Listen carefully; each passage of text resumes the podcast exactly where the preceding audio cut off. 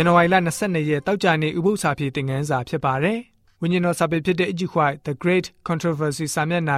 956မှာဆိုလို့ရှိရင်ဘယ်လိုမျိုးဖော်ပြထားလဲဆိုတော့ဟေဘဲလူမျိုးတွေအချိန်မှာယခုအချိန်လိုပဲလူတချို့တို့ဟာဝိညာဉ်ကိုခေါ်နိုင်ပါတယ်။လူတွေနဲ့ဆက်သွယ်နိုင်တယ်လို့ကြွေးကြော်ကြပါတယ်။သို့တော့အဲ့ဒီလှုပ်ဆောင်မှုမျိုးကိုတမန်ကျမ်းစာကနေနှဆိုးတွေလို့သာအတိအလင်းဖော်ပြထားပါတယ်။ဝိညာဉ်နဲ့ယဉ်ဤပေါင်းသိခြင်းကိုဖျားသခင် ဖျားသခင်ကိုပြစ်မှားတယ်လို့သတ်မှတ်ခံရပြီးတော့အဆုံးမှာတေချင်းနဲ့အပြစ်စင်ခံရမယ်လို့တေချာစွာတားမြစ်ထားပါတယ်။ဝပြောကြံခန်းကြီး19ငွေ31ဝပြောကြံခန်းကြီး20ငွေ29မှာတွေ့နိုင်ပါတယ်။အဲ့လိုနတ်ဆိုးမျိုးဟာအသွင်အမျိုးမျိုးပြောင်းလဲနိုင်ပြီးတော့အမောင်လွှမ်းတဲ့ခေတ်ကိုရောယခုခေတ်သိပ္ပံနယ်ပယ်ကိုရောဝင်ရောက်လှုပ်ရှားနေပါတယ်။နီလန်ပေါင်းသိန်းနဲ့တန်းနဲ့လှည့်ဖျားပြီးတော့အသင်းတော်ကိုတိုက်ခိုက်နေပါတယ်။ရှင်မြေမင်းတွေရဲ့တရားစီရင်ရာခမ်းမအထိပုံစံအမျိုးမျိုး စမ်းသက်တီထွင်လှုပ်ဆောင်နေတယ်ဆိုပြီးတော့ဝိညာဉ်တော်စာပေဖော်ပြချက်အဖြစ်တောက်ကြနေဥပု္ပ္ပစာဖြစ်တဲ့ငန်းစာကဖော်ပြထားပါတယ်။ဥပု္ပ္ပစာဖြစ်တဲ့ငန်းစာ၄ကတော့ဒီလောက်ပဲဖြစ်ပါတယ်။ဥပု္ပ္ပစာဖြစ်အစစ်စဉ်တစ်ဆက်သူကျွန်တော်ဆဆောက်ပါ